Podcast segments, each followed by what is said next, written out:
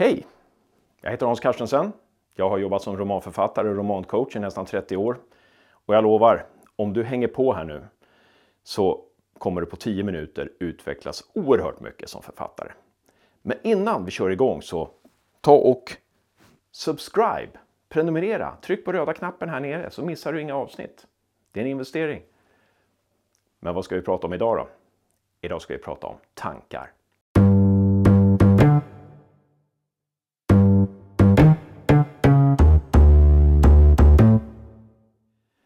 Tankar ja! Tänkande personer. Huvudpersoner som tänker. Det kan vara självmord när man börjar skriva. Och när man skriver sin första roman så vill man oftast bara tänka igenom allting, tänka fram allting. Allting ska vara en person som tänker och tänker och tänker. Och det är inte så konstigt.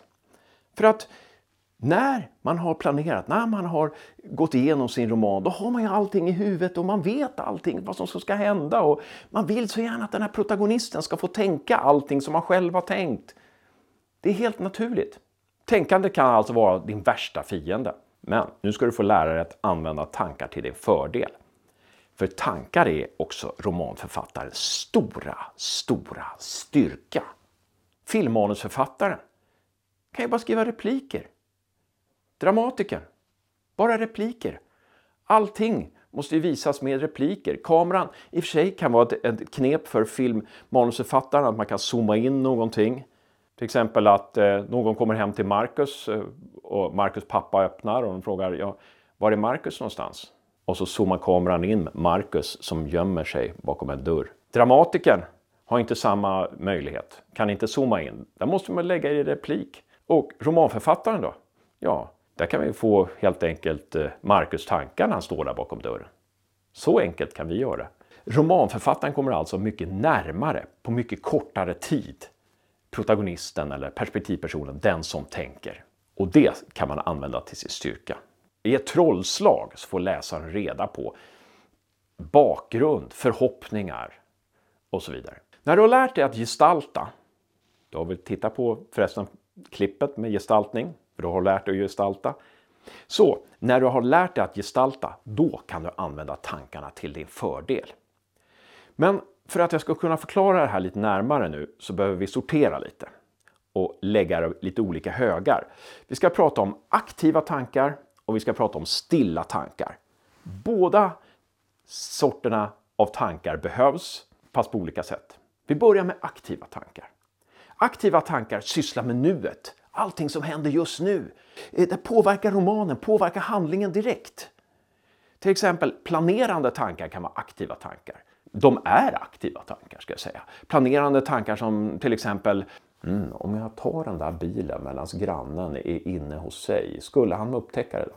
Och så vidare. Och så vidare. Som ni märker, planerande tankar sätter igång väldigt många bilder i läsarens huvud och tar på något vis handlingen en växel upp.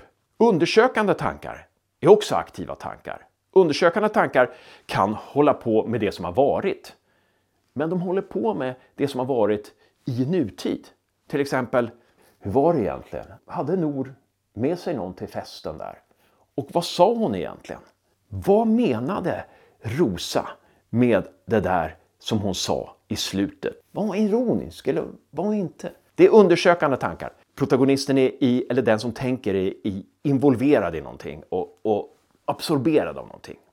Sen finns det då stilla tankar som skiljer sig lite från aktiva tankar. Men då kommer vi till om en stund. För nu så ska du få göra en övning. Jag har skrivit en mening, nämligen den här. Hon följde efter honom och... Punkt, punkt, punkt. Se till att du tänker nu utifrån hennes perspektiv. Hon tänker någonting, hon planerar någonting.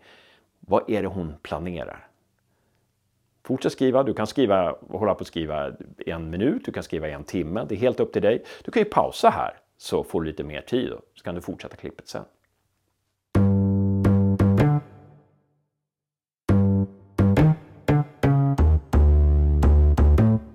Bra, då går vi över till stilla tankar. Stilla tankar jobbar inte med nuet på samma sätt. Stilla tankar, de tänks i nuet. Men de betraktar mer någonting på håll.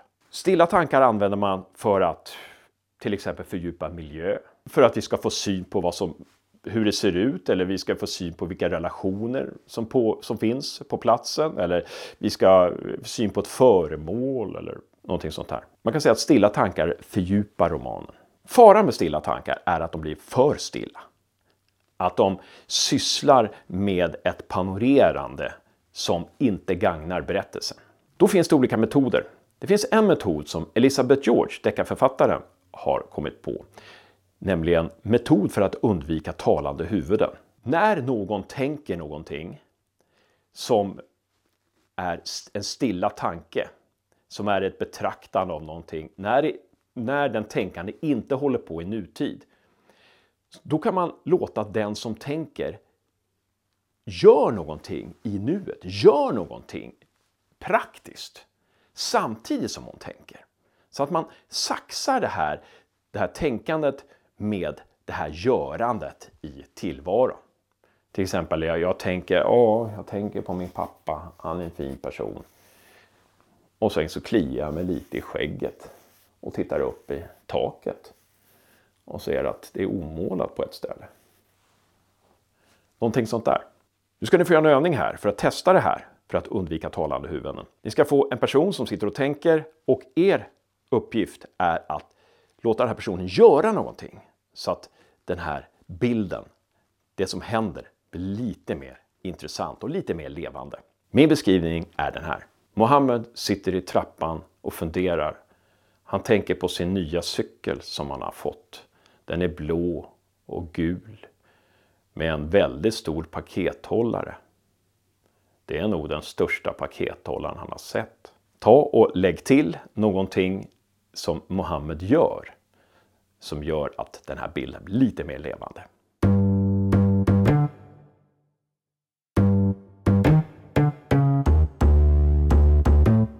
Bra! Nu har vi bara en liten grej kvar på tankar. Sen kan ni titta på andra klipp. En sak som jag ska lägga till nu innan vi slutar för det här klippet är minnen. När personen minns saker och ting så kan det bli lite tradigt.